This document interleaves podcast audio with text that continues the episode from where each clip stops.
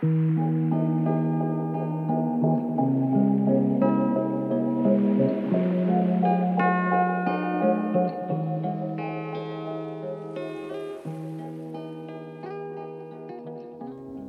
har Endkast fått besøk av to ph.d.-stipendiater. Eh, Gunhild Mehn og Birte Møgster.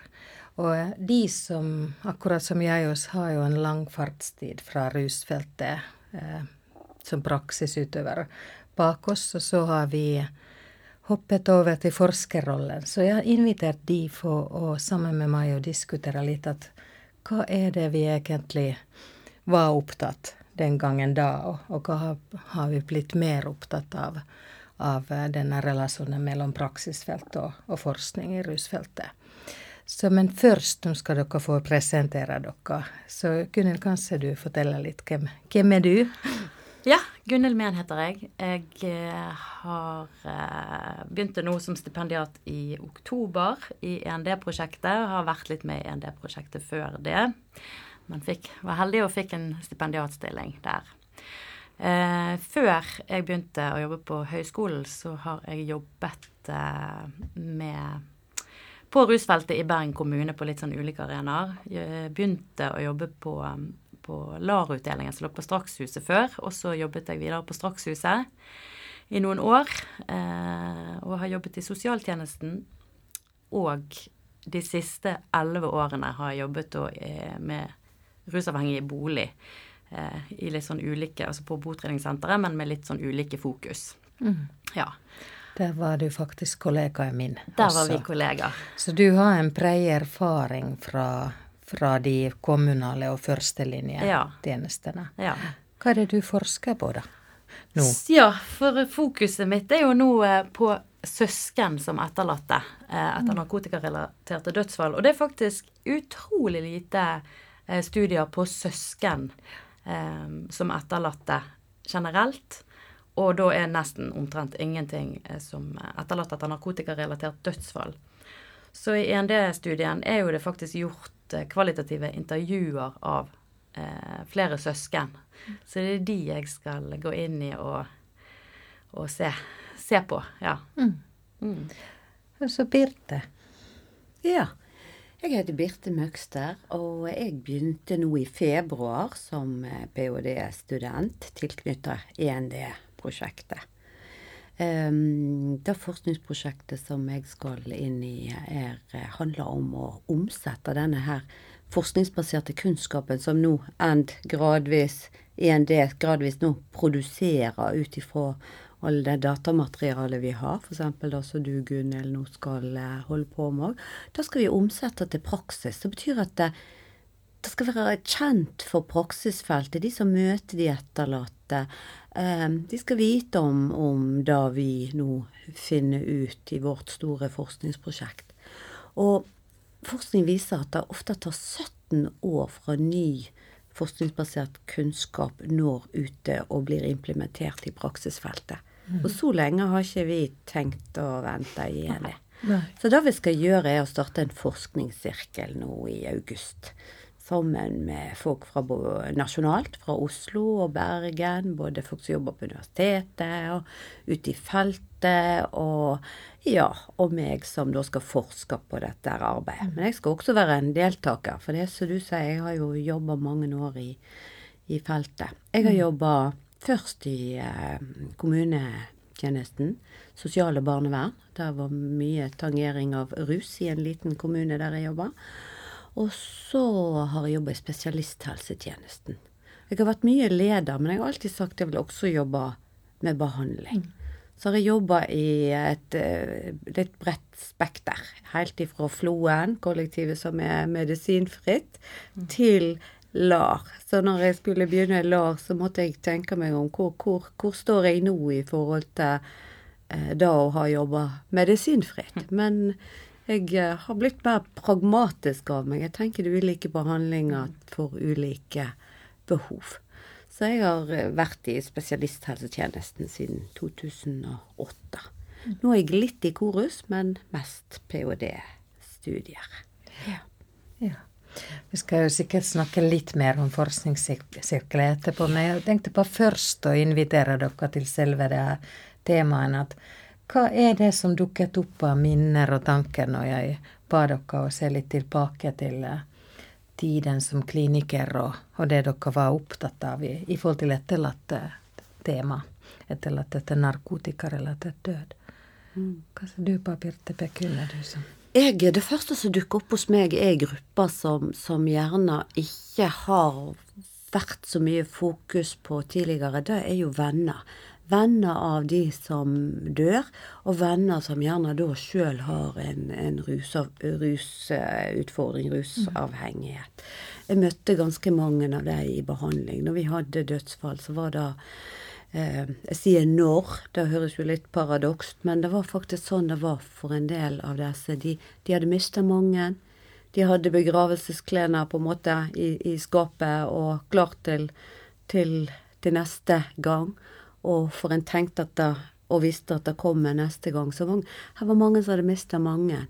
Og det som var veldig sterkt for meg, var å høre eh, hvor jeg husker spesielt én sa til meg jeg, jeg må distansere meg litt fra det, for jeg klarer ikke å ta inn alt dette her. For mm. det, alt, det er så mange jeg har mista. Jeg må rett og slett skape en barriere for å, for å tåle dette her og gå videre. Og det gjorde veldig sterkt inntrykk på, på meg.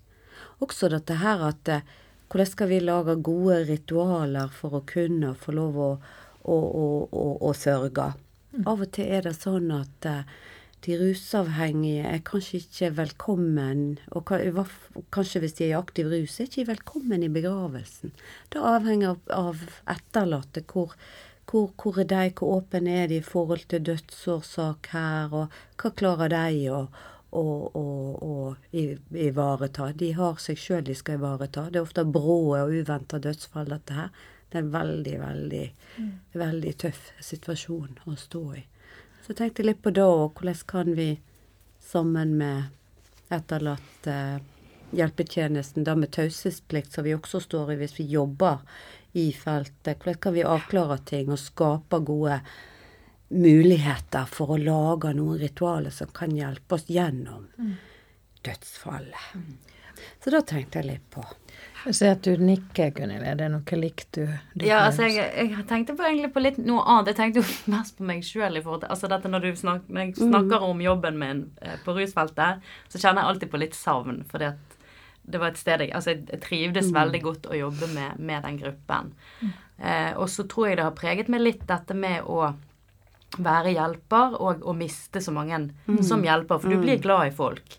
Um, og da uh, Så det fokuset føler jeg òg mangler litt ute i dette med hva gjør det med oss som jobber på feltet, med å miste så mye folk. For vi gir, gir ganske mye av oss sjøl, mm. og så prøver og prøver å få gode relasjoner med, med dem, og så, og så, plutselig forsvinner de fra oss. Så det var en sånn ting som, som jeg uh, har tenkt på, som jeg har skjønt har preget meg mer enn, jeg, enn det gjorde når jeg jobbet med det. Mm. Men så er det òg disse, disse um, etterlatte eh, som, som, Sånn som du snakket om nå, Birte, dette med taushetsplikten. Som jeg følte før var litt sånn Altså, jeg ville på en måte ivareta min eh, Jeg ville gjøre ting riktig. Mm. Når de levde, så, så, handler det om å beskytte den rusavhengige, for det er den som er, du skal være hjelper, hjelperen til. Og når det ringer da pårørende og spør, og du, du, har fått beskjed om at ikke du skal si noe, så er det på en måte den, der lojaliteten skal ligge. Men nå ser jeg eh, på en måte litt sånn annet perspektiv òg med det, hvordan den taushetsplikten kan være til hinder for at de pårørende skal få lov å være en del av, mm. eh, av livet til den rusavhengige. sant? Mm. Og så var litt fokuset òg da at vi skulle ikke plage de med med disse problemene som, eh, som personen sto i. sant? Vi skulle eh, skjerme de. Mm.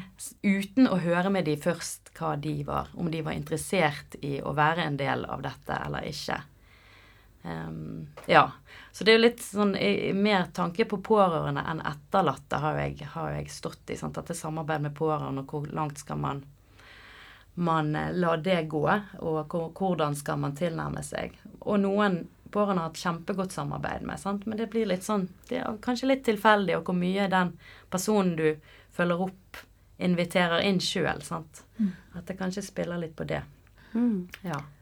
Når jeg hører på dere, så, så tenkte jeg også at det, jeg tror en av de første sånne, sånne ordentlige erkjennelser i rusfeltet var den her, den her hvor nær døden er. Ja. Og, og hvor uforutsigbar den er. At eh, Jeg husker noen, noen brukere som, som jeg egentlig kanskje trodde det skulle gå veldig, veldig bra Ja. med, og så plutselig var de borte. Og, og da den tanken ja, hvordan er denne her at du ikke kan vite? Mm. Hvordan må, kan det være for de, de nære familiemedlemmene? Og at det er en type sånn visshet at dette er det, det, Du kan aldri vite hvordan det går. Den, er, den er der og Mm. i nærheten. Den, den risikoen for, død. Slitsomt å, å leve med en sånn usikkerhet så, så lenge. Og kanskje forberede seg på det. Litt denne ventesorgen som vi har sett litt Ja. i, i, i forskningen vår. At en forbereder seg på at det kan skje. Og, ja, og, og venter gjerne. Og en kan ikke vite, som du sier. Det, det må være nesten umenneskelig å, å stå i. Mm. Jeg kjenner meg igjen i det som du sier, Gunhild. Det der at jeg òg har sørgd over, Mm. over personer som jeg har jobba med, som jeg har, har hatt en nærhet til. Og, og hvordan kan jeg bearbeide min sorg, og kan jeg forvente å få noe støtte? Og, Mm. og så tenkte jeg på en ting til når du snakket. Vi, vi, eh, vi har jo, som du sier, vi, vi, vi lar det litt opp til de, og tar de kontakt, så støtter vi, og mm, hva gjør sant? At vi, Litt opp til den andre å ta kontakt. Så har vi jo nå erfart gjennom eh, arbeid i, END og annen krisehåndtering at det, det er jo da å være proaktiv som kan gi hjelp og støtte. Den som står i krise, klarer ikke å ta kontakt, gjerne. Og klarer ikke å ta da initiativet til ta kontakt hvis du Det er vi som må gjøre det. Så tenker på Det var jo der vi var litt tilbakelent i hjelpeapparatet Ja. før. Hva da til noe hjelp, har jeg tenkt. Det er interessant, for det er jo noe som vi ser kanskje som går gjennom igjen i alle dataene som var ganske sånn tidlig, eh, er jo dette med at man eh, De fleste ønsker jo at noen tar kontakt, sant. Eh, og så er det ulike måter om man har lyst til å kunne avslå dette her, men det er jo ganske sånn likt, virker det som. Og så er jo det dette med òg at vi er så usikre på Skal vi ta kontakt? Vi er så redd for å å forstyrre hverandre. sant? Og ikke plage, med, altså ikke plage folk med å begynne å snakke om noe som er trist og vanskelig.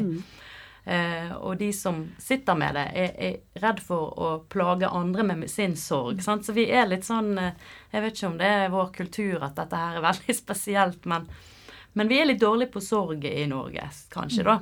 Med å, å snakke, være åpen om det og ja, og vi er redde for å plage hverandre. Med, ja, opprøre hverandre. Redd for å opprøre og støte. At jeg skal være jeg, jeg kan i hvert fall være ærlig og si det at jeg kan ha tenkt på jeg, altså, Og kanskje det har vært en barriere òg for å våge å ha en prat om et vanskelig tema. For jeg er redd for å være den som sier det som oppleves som støtende eller vondt eller vanskelig, legger stein til, til byrden. Ja. Så alltid så har jeg ikke brukt så mye ord. Jeg har gjerne bare klappa litt forsiktig på, på armen og kanskje møtt blikk og Jeg har rett og slett ikke helt visst hva som er de gode, gode ordene å, å si her.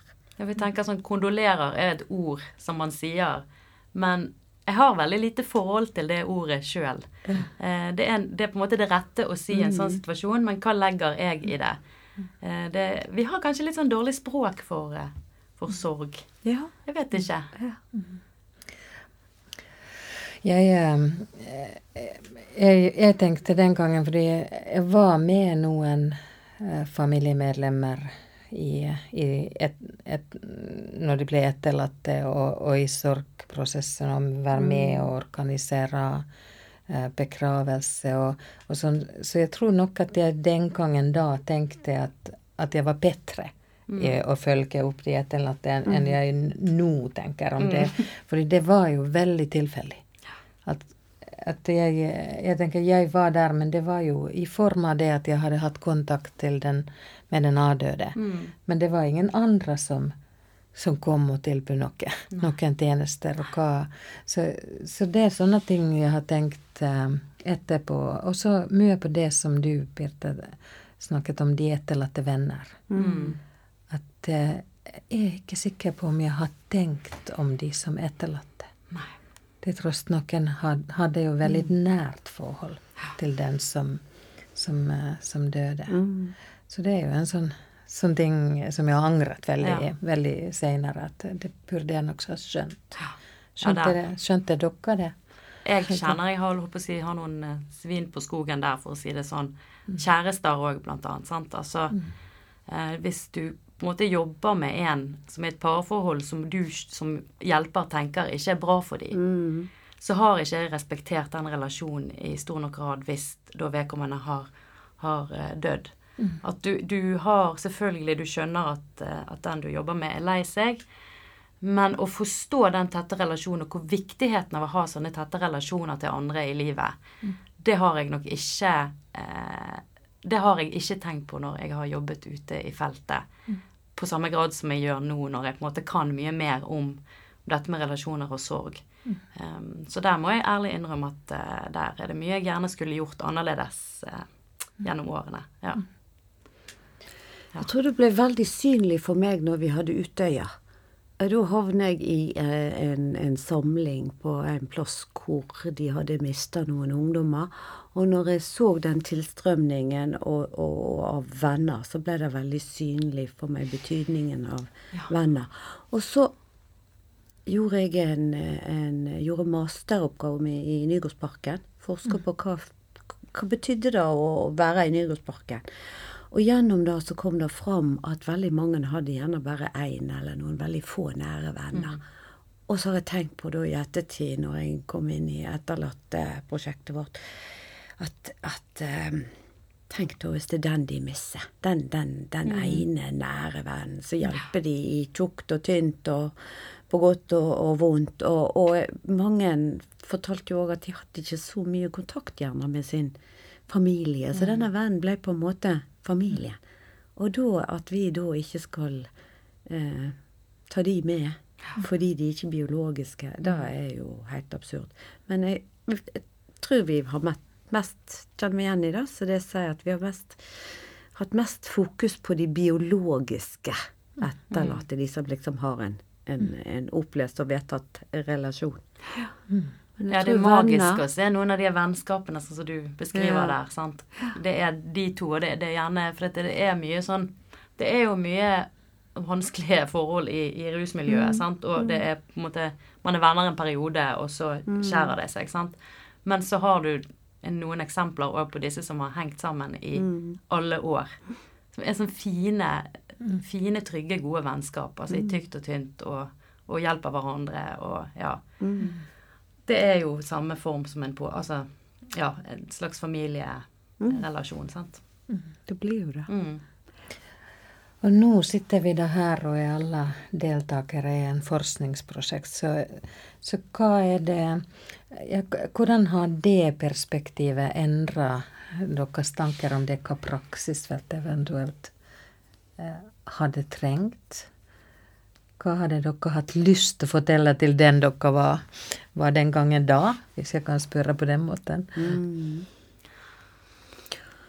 Ehm, da skulle du fortalt meg, Sari, at vær mer på, Birte. Eh, vær mer på, vær proaktiv, vær, vær, altså ta kontakt, avklar. Altså hvis det er vanskelig for taushetsplikt, avklar, rydd vekk.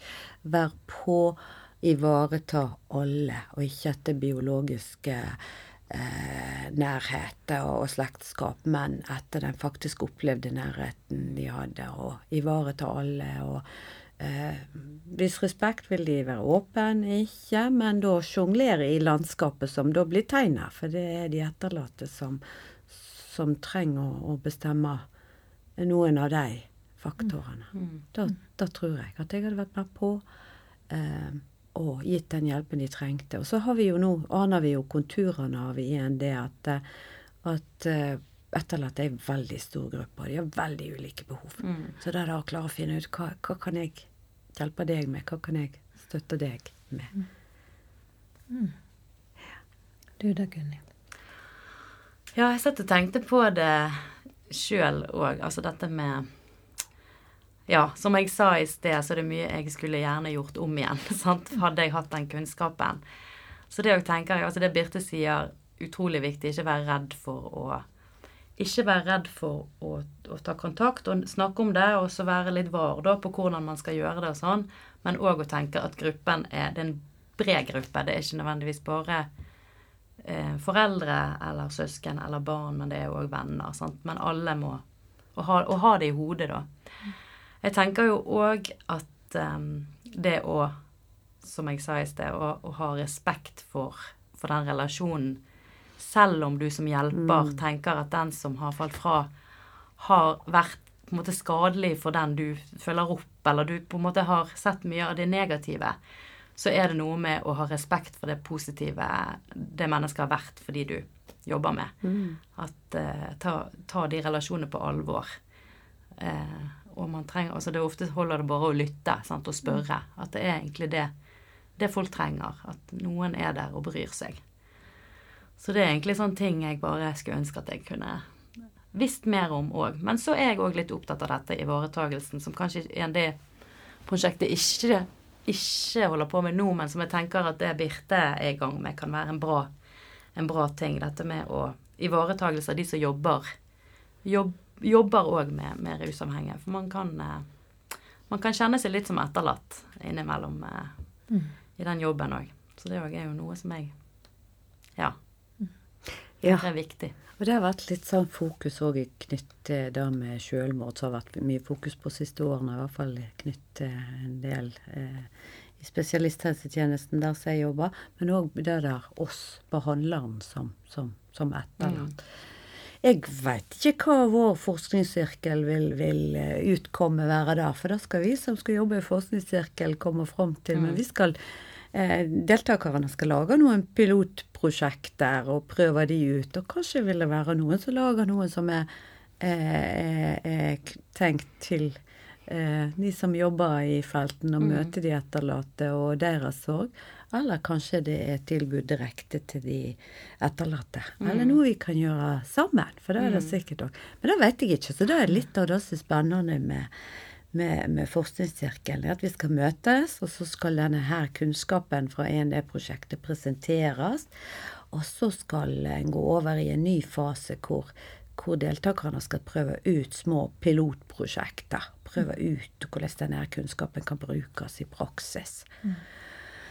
Og så skal vi evaluere og finne ut hva er det som virker her, og hva var bra og ikke bra. og mm. sånn. Så det, det, er et utrolig spennende prosjekt. Og jeg håper at den kunnskapen som vi har fått i END, ikke skal bruke så lang tid før den når ut i verden, og at vi alle kan De som mm. trenger det. Jeg er jo veldig opptatt av de etterlatte. At de må mm. nå, nå dem.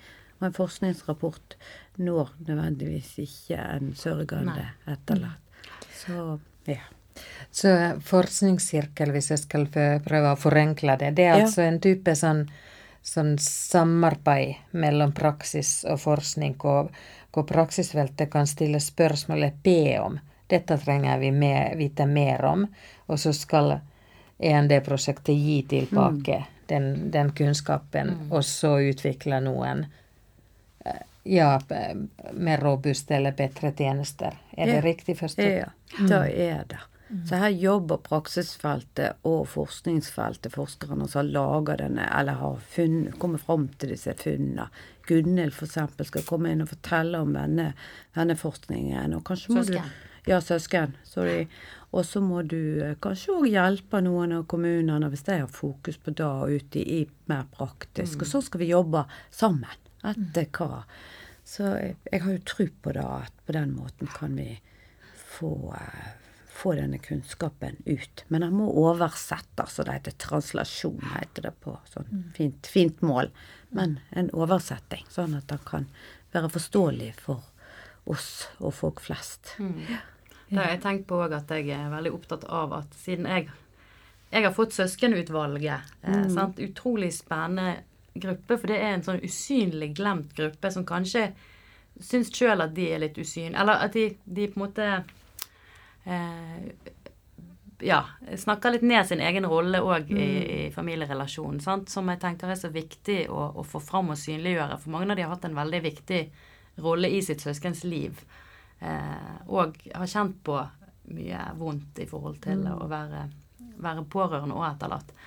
Så jeg er så opptatt av at det jeg skal eh, fremme av kunnskap, er noe som føles relevant for de, sant? som da videre kan, kan formidles i forskningssirkel, og da omsettes, sånn at de, de, kjenner at de får noe igjen for det, de bidragene de har gitt. Mm. sant?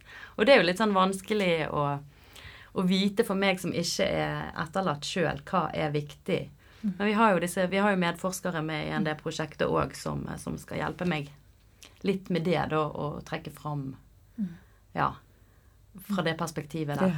Men det er jo utrolig å kunne da bruke At vi, det henger sammen, det vi gjør, mm. vi stipendiatene. sant? Jeg syns jo det Ja. Det er veldig fint å være del i et stort prosjekt hvor ja. ting henger sammen. Og vi har også etterlatte med i forskningssirkelen, som mm. der også skal være med og eh, Jeg vet ikke hvordan jeg skal beskrive det, men, men de har jo den unike erfaringen som, som som ikke vi som forskere og fagfolk har som mm. etterlatte. Så, så, derfor så tenker jeg da at da, kan vi sammen finne en mye bedre hva skal jeg si sum enn hvis, hvis de ikke var med oss. Jeg mm. tror det blir bidrag, Det er et kjempeviktig bidrag, og det har vi vært opptatt av i END hele tida. Så det er, det er jeg veldig glad for. Og jeg er veldig opptatt av at vi skal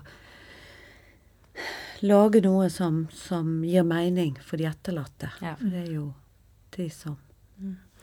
Jeg, jeg begynner å tenke når jeg hører på dere, at hvor, hvor stort det egentlig er. Fordi den ene, den ene delen er den her den relevante informasjonen, kunnskaper mm. om etterlatt situasjonen for de forskjellige gruppene og forskjellige tjenestesteder. Og så er det selvfølgelig også den her at at via det så forstår man kanskje litt mer om livet mm. som pårørende, og mm. livet som den rusavhengige mm. i, i, nærheten av det risikoen av død. At, at det, det, tror jeg jeg i hvert fall kanskje hadde også trengt den gangen da som praksisutøver, mm. og, og, hatt større bevissthet ja.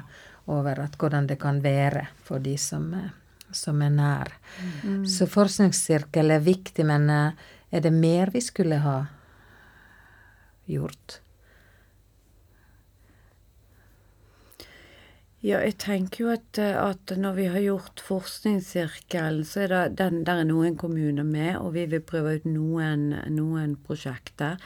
Men, men, vi må jo jobbe videre for, å, for å, å, at, at, denne her eh, kunnskapen vi, vi har, blir allmenn kjent hos alle som trenger den. Og da må vi gjerne gjøre gjennom mer sånn populærvitenskapelig, som det heter, måte å skrive på. For forskningssirkler på engelsk, nei, forskningsartikler på engelsk det er fryktelig vanskelig å lese. Det er knapt som jeg forstår det sjøl, selv om det er det jeg holder på med nå. Så, så vi må gjøre det mer tilgjengelig.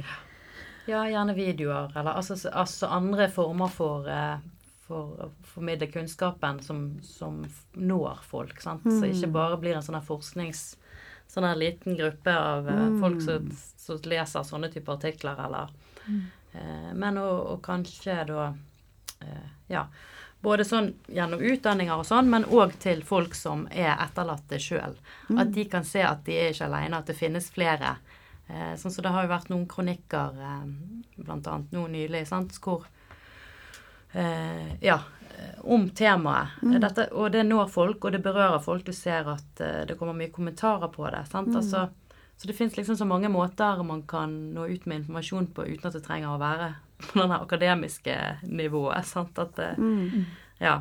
Så det tenker jeg er veldig viktig med den men, uh, det tror jeg er kjempeviktig, for den erfaringen har jo både meg og deg, Gunhild. Det snakker vi om før ja. podkasten i dag. Den erfaringen om at eh, når vi står ute i praksisfeltet og jobber, så er jo ikke forskningsartikler da vi er mest trent og skulert til å lese. Selv om utdanningene i dag tar mye større høyde for det å mm. jobbe kunnskapsbasert. Så, så i en, en travel hverdag så, så, er det kanskje ikke da du klarer å å, å romme.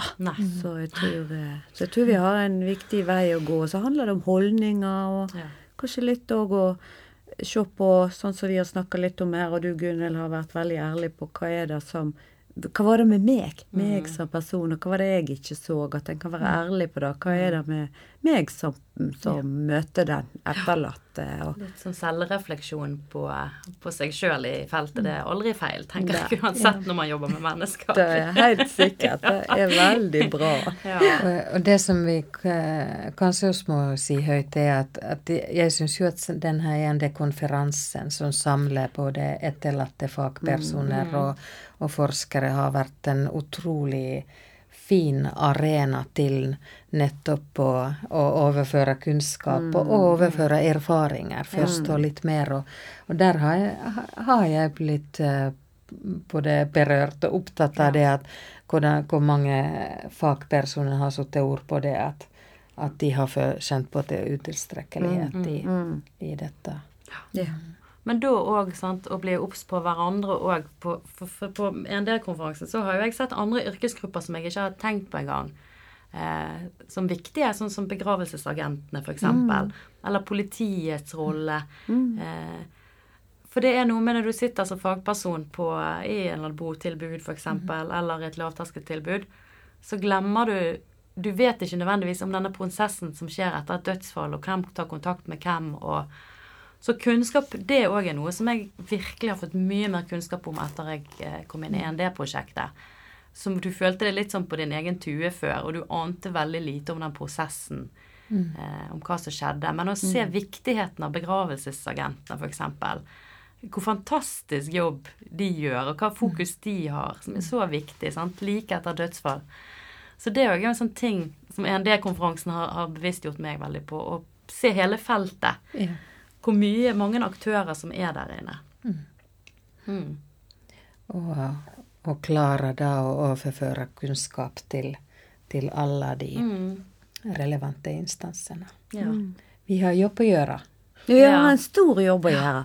Og så må vi jo ikke glemme, nå, nå er det mye, mye, mye fokus på stigma, og det tror jeg er bra. Og det er mye, vi vet at det, det, det viser forskningen vår, mye stigma som disse etterlatte opplever og møte, og gjerne til dels i nære relasjoner.